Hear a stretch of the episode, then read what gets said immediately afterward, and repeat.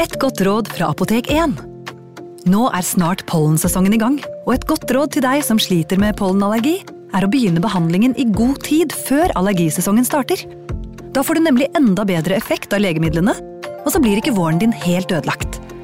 Kom innom og få råd på ditt nærmeste Apotek 1, eller chat med oss på apotek1.no. Apotek 1 vår kunnskap, din trygghet.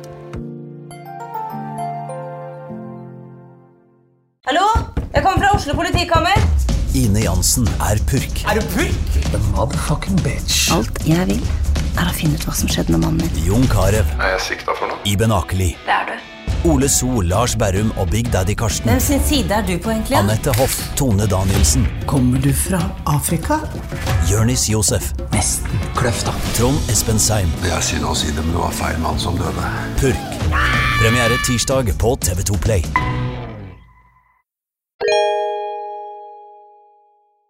Hei! Takk for at du lytter til True Crime Podden dokumentar.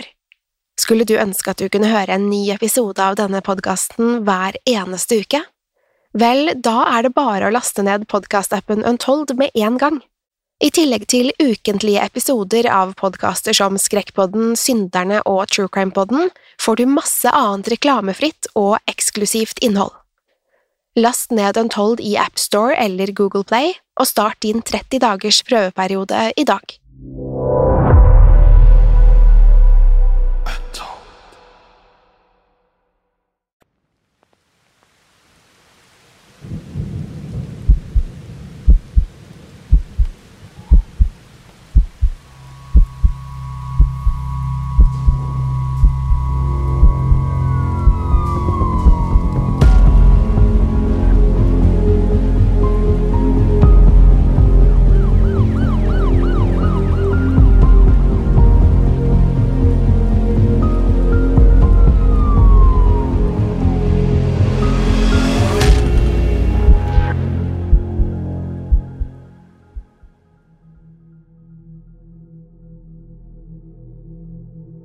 stimlet sammen utenfor The Biograph Theater i Chicago.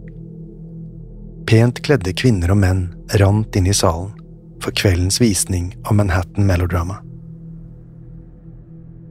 Midt i mengden gikk den middelaldrende kvinne i en oransje kjole. Sammen med henne gikk det en ung kvinne og en mann med en liten bart. John Dillinger var ikledd en skjorte, slips og en stråhatt og hadde armen rundt den yngre kvinnen.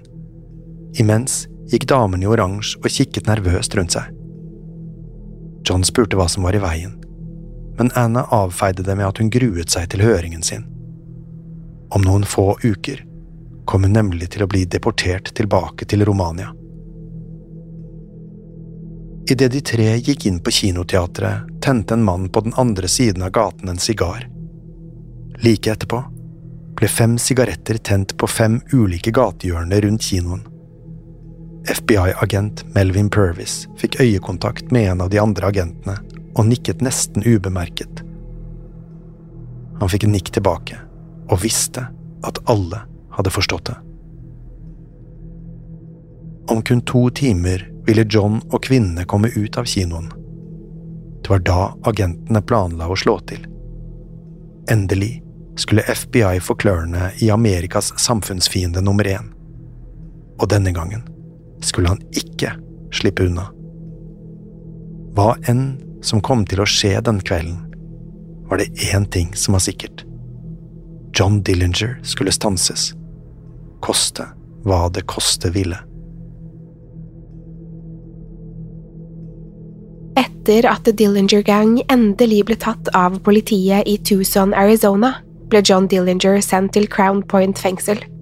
Der skulle han bli frem til rettssaken.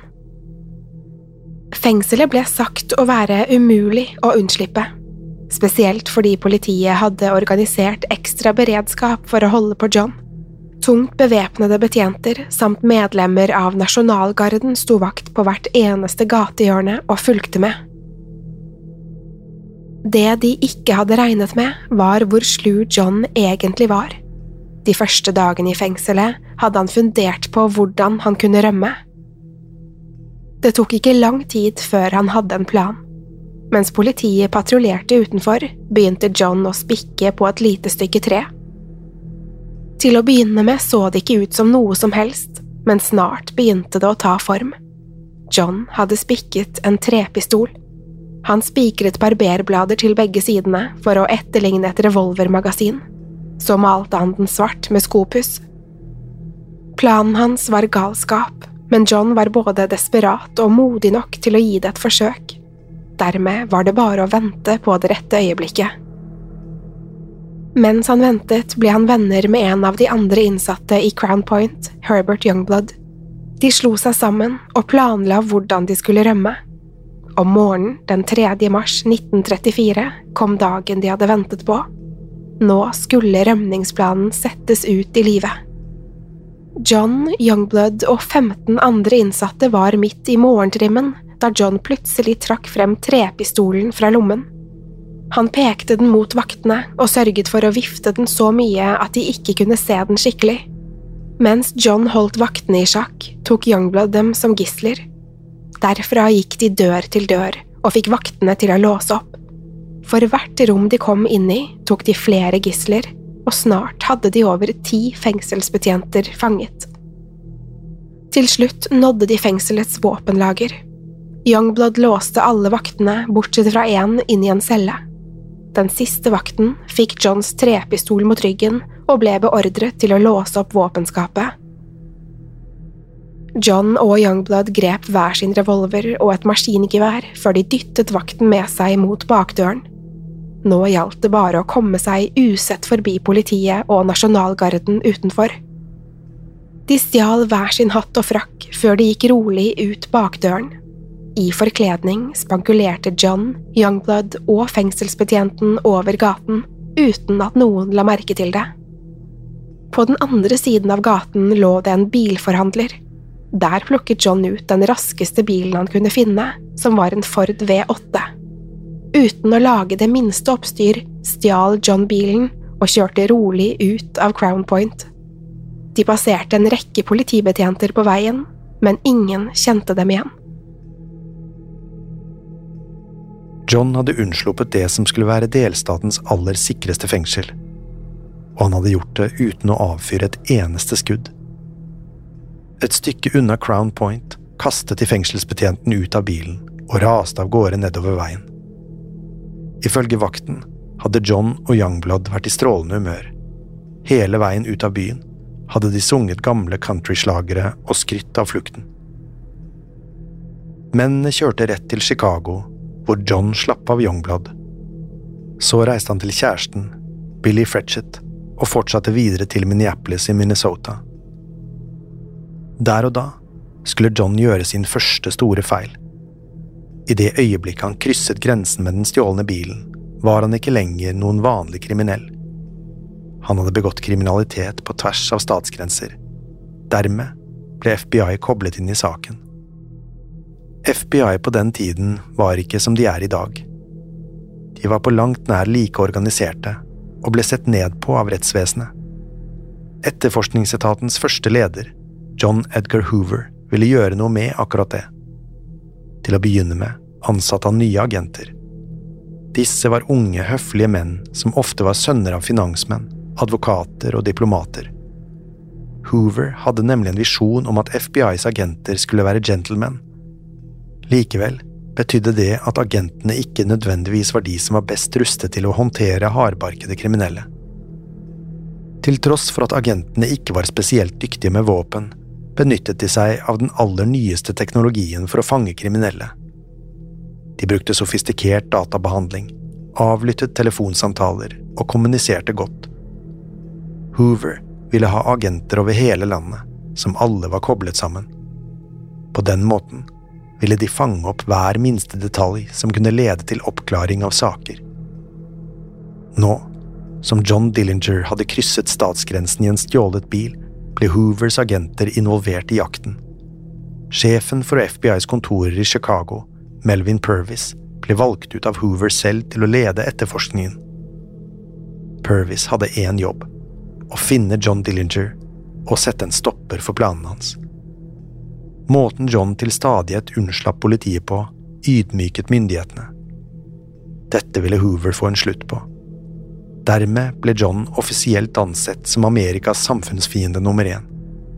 Politi og etterforskere over hele landet var nå på utkikk etter ham, og det var bare et tidsspørsmål før de ville lykkes. Samtidig som John ble arrestert og sendt til Crown Point, hadde også tre av hans nærmeste allierte blitt fanget. Harry Pierpoint, Charles Mackley og Russell Clark var alle blitt sendt til Ohio. Der skulle de siktes for drapet på sheriff Sarber da de brøt John ut av fengsel. De satt fengslet og kunne vente seg dødsstraff, så det var ikke noe håp for dem. Dermed ble John nødt til å sette sammen en ny gjeng. Han fikk med seg gamle kamerater som Red Hamilton og Homer Van Meter. I tillegg slo han seg sammen med to menn som het Tommy Carroll og Eddie Green. Den siste som ble en del av den nye Dillinger-gjengen, var Johns erkerival Babyface Nelson. Det var desperate tider, og John hadde ikke noe annet valg enn å inkludere Nelson. De to hadde helt forskjellige fremgangsmåter, og det skulle snart bli et problem. Kun noen få dager etter at John hadde unnsluppet fengselet i Crown Point, begikk den nye gjengen sitt første bankran. Denne gangen stormet de en bank i Sioux Falls i South Dakota og stakk av med 49 500 dollar, omkring 20 millioner kroner i dagens valuta. Likevel skulle det ikke gå like rolig for seg som Johns tidligere bankran. Det ble nemlig allerede da klart at John og Nelson var en dårlig kombinasjon. Mens ranet pågikk, hadde Nelson stått på disken og skreket og siktet på gislene med maskingeværet sitt. Det var helt til han fikk øye på en politibetjent som gikk rolig nedover gaten forbi banken. Betjenten hadde ikke engang fått med seg hva som foregikk, men Nelson var fremdeles blitt provosert. Han løftet maskingeværet mot kinnet og fyrte av en salve mot den uvitende betjenten. Nelson lo og jublet da kulene traff mannen i brystet, armen og benet. Selv om skuddene ikke hadde vært livstruende, var betjenten hardt skadet. Med det bestemte John at det var på tide å dra. Gjengen tok med seg fem gisler og kjørte av gårde. Bak dem fulgte en rekke politibiler, men Johns bil var mye raskere. Til slutt ble politiet nødt til å gi opp. Så snart de var i utkanten av byen, slapp gjengen av gislene før de kjørte tilbake til Minnesota. Derfra skulle det ikke ta mer enn én uke før gjengens neste ran. Da fluktbilen rullet inn ved siden av First National Bank i Mason City, Iowa, ble det bestemt at Nelson skulle bli igjen utenfor. Han ble satt til å vokte smuget på baksiden av banken, mens John stilte seg ved hovedinngangen. Imens gikk Eddie Green, Red Hamilton og Homer Van Meter rolig inn i banken. Lokalet var fullt av kunder og ansatte, og det var først vanskelig for gjengen å nå gjennom mengden.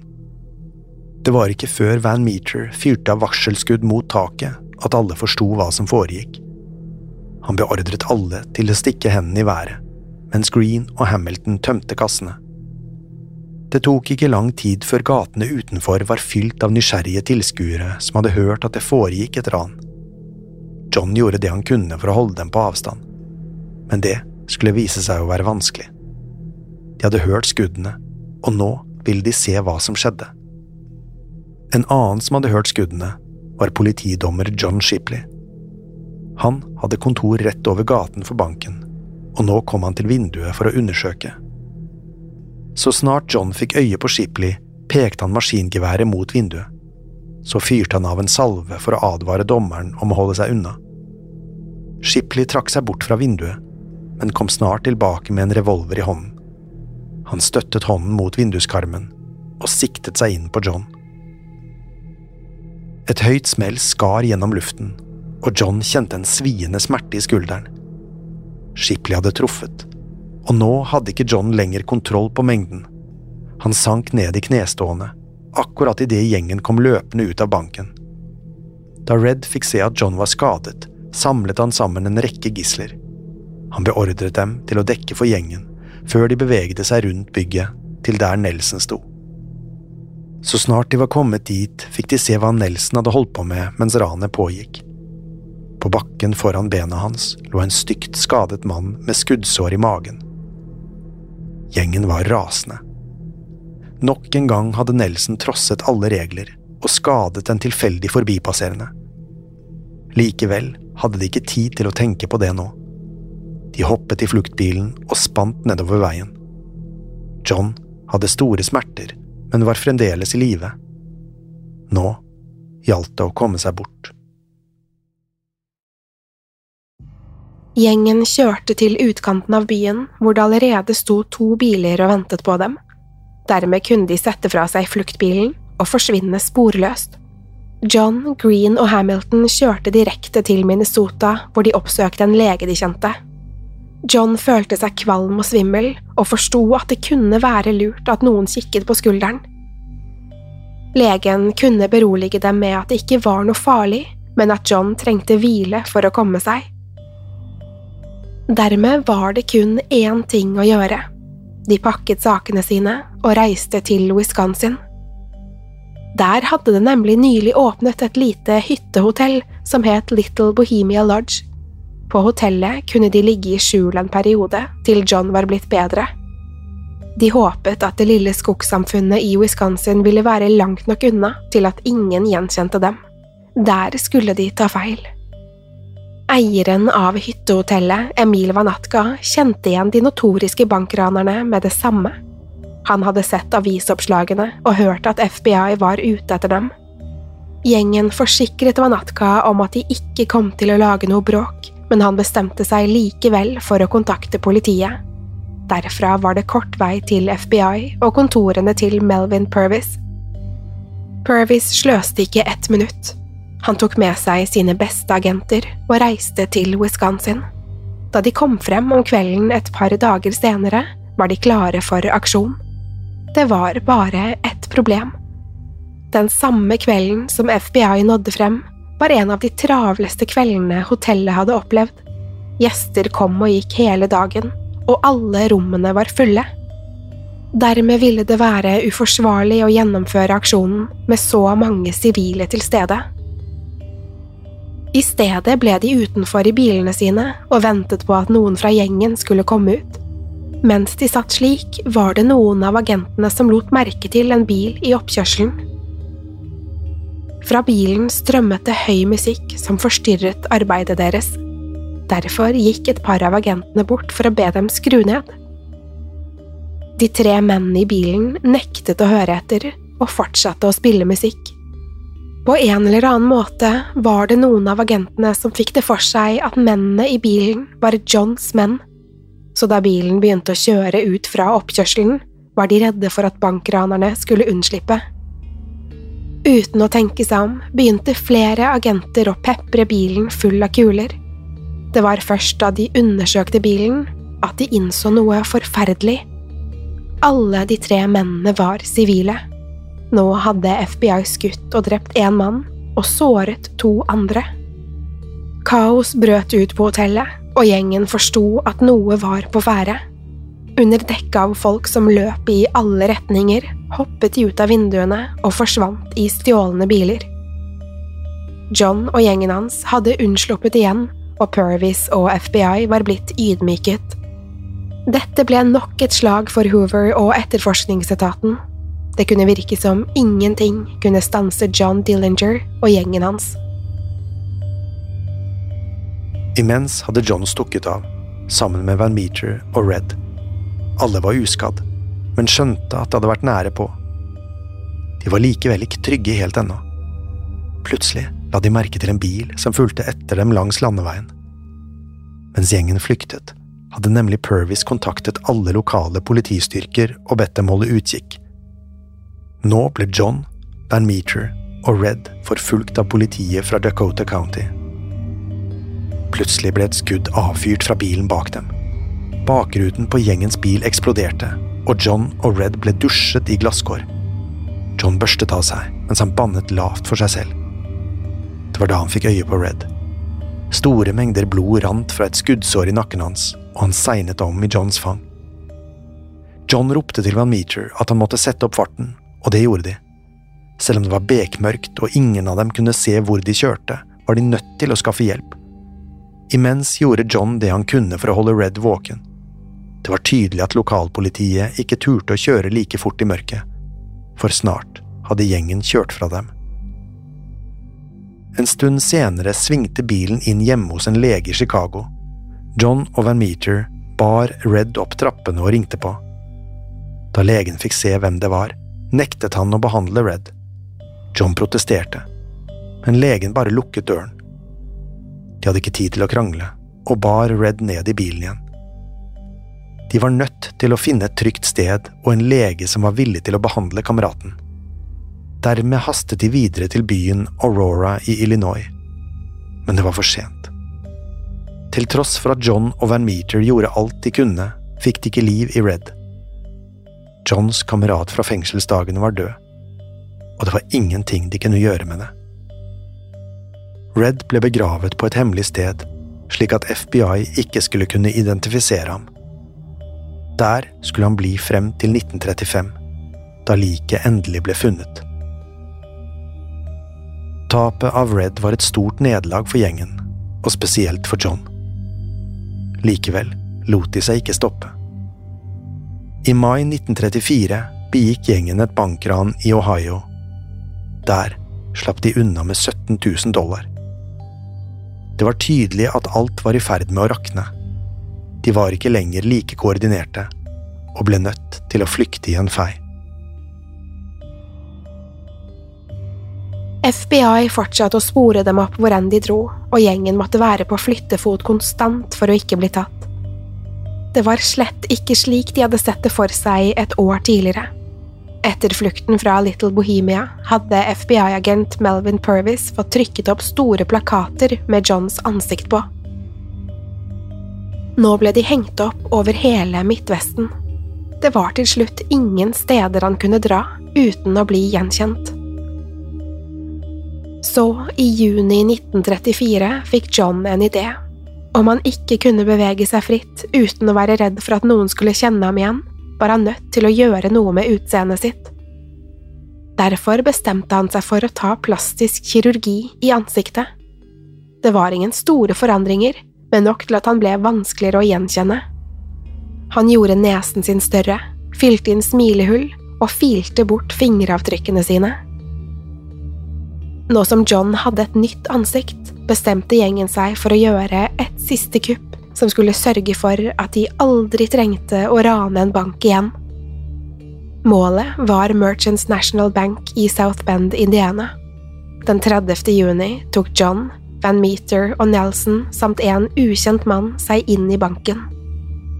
Denne gangen var det politiet som var forberedt. Ranet hadde bare så vidt startet da en liten hær av politibetjenter dukket opp.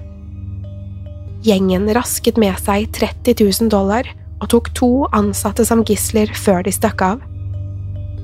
De klarte til slutt å unnslippe, men det var bare så vidt, og kun etter at Van Meter hadde skutt og drept en politibetjent.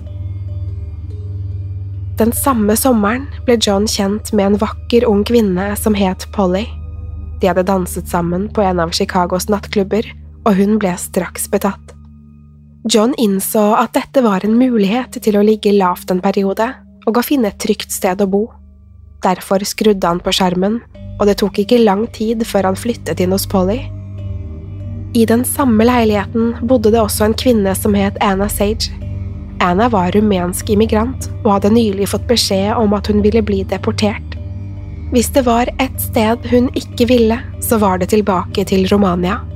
Da Polly tok med John hjem for første gang, gjenkjente Anna han med det samme. Det var da hun øynet en mulighet. Anna kontaktet politiet og fortalte at hun hadde verdifull informasjon til FBI. Den skulle hun dele med dem mot at hun fikk bli i Amerika. Da politiet forsto at det gjaldt John Dillinger, var det ikke sene med å sette henne i kontakt med selveste Melvin Purvis.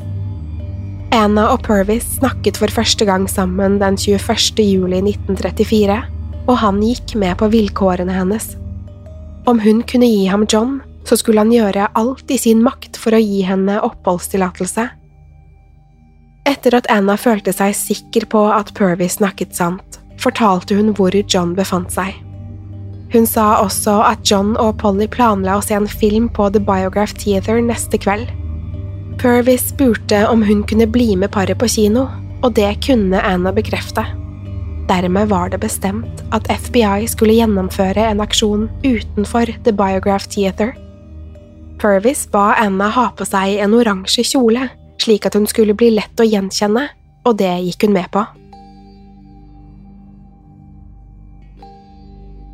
Den neste morgenen samlet Purvis sammen agentene sine og forklarte situasjonen.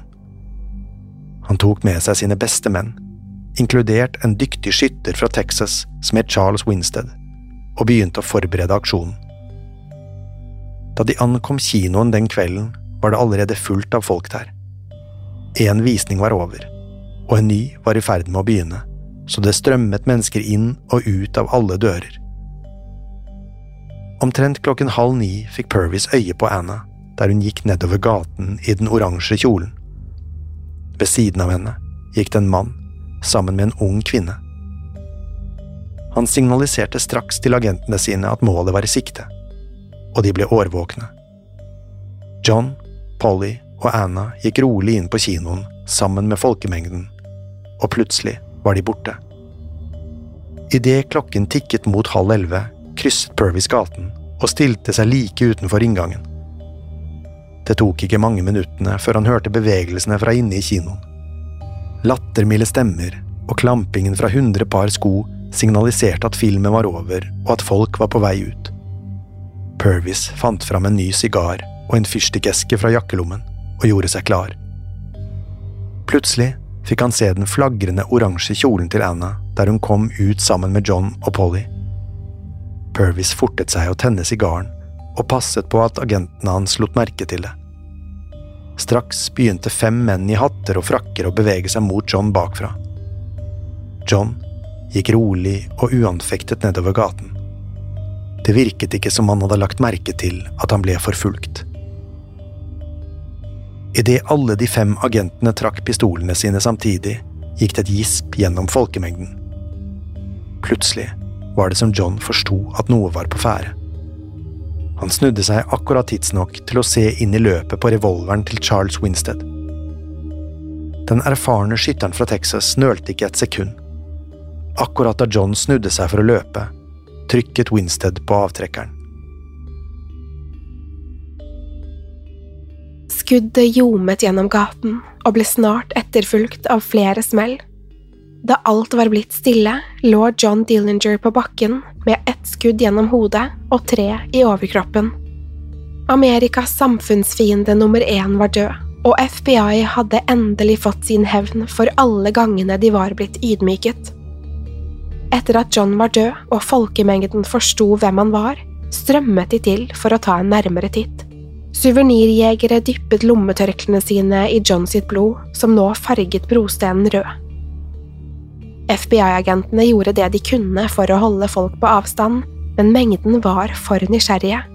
Mange hadde kun sett John på fotografier i avisene, men nå fikk de se ham på nært hold. Historien om kjendisraneren John Dillinger har interessert mange i ettertid. Til tross for at han var kriminell, ble han raskt et idol. Johns ønske om å unngå vold under bankranene sine førte til at han ble betraktet som en gentleman. The Dillinger Gang skulle kun være aktive i et drøyt år, men er likevel mer kjent enn de fleste andre kriminelle bander. John ble bankraner på en tid i amerikansk historie da kriminelle og lovløse ble glorifisert. Om det ikke hadde vært for den store depresjonen og alt det førte med seg, ville han sannsynligvis aldri ha vært like vellykket. John og gjengen skal ha stukket av med så mye som 400 000 dollar i løpet av ett år. Det er et beløp som tilsvarer svimlende 80 millioner norske kroner i dag. Til slutt skulle John møte sin skjebne utenfor et kinoteater i Chicago. FBI tok ikke sjansen på å arrestere ham og risikere at han brøt seg ut igjen. Dermed valgte de å ta livet av ham der og da. Amerikas mektigste gjengleder John Dillinger ble kun 31 år gammel. Likevel står han igjen i historiebøkene som en av de mest beryktede bankranerne som noen gang har levd.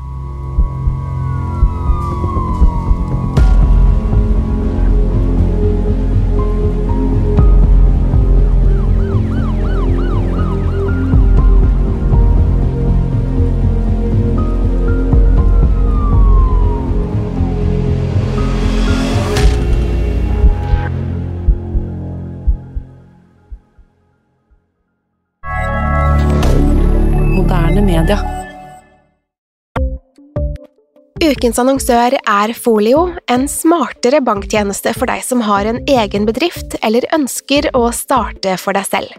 Folio er en superenkel nettbank for bedrifter. Som kunde i Folio får du en bedriftskonto med et bedriftskort og app. I denne appen er det smarte løsninger som forenkler regnskapet ditt, uansett om du har en liten bedrift eller et enkeltpersonsforetak. Folio er både intuitivt og brukervennlig, og er laget med et enkelt språk. I tillegg tilbyr de forutsigbare priser og ingen skjulte gebyrer. Skulle du likevel trenge det, så kan du snakke med deres raske og hyggelige kundeservice, og der får du prate med en faktisk person og ikke en chatbot. Folio er med andre ord både enklere og koseligere enn banken. Over 10 000 bedrifter har allerede valgt Folio som sin banktjeneste, så besøk folio.no og se hvordan Folio kan forenkle din hverdag også. Har du et enkeltpersonforetak eller en liten bedrift? Da er du sikkert lei av å høre meg snakke om hvor enkelt det er med kvitteringer og bilag i fiken, så vi eh, gir oss her, vi. Fordi vi liker enkelt. Fiken superenkelt regnskap. Kiwi er billigst i VGs matbørs og har vært billigst i fire av de fem siste VGs matbørser. Og nå presser vi prisene på frukt og grønnsaker. På 200 gram broccolini setter vi prisen til 24,90. På 400 gram Cevita blåbær setter vi prisen til 49,90. Og husk, alle Kiwi Pluss-kunder får i tillegg 15% trumfbonus på all fersk frukt og grønt. For det er vi som er prispresserne. Og vi i Kiwi gir oss aldri på pris.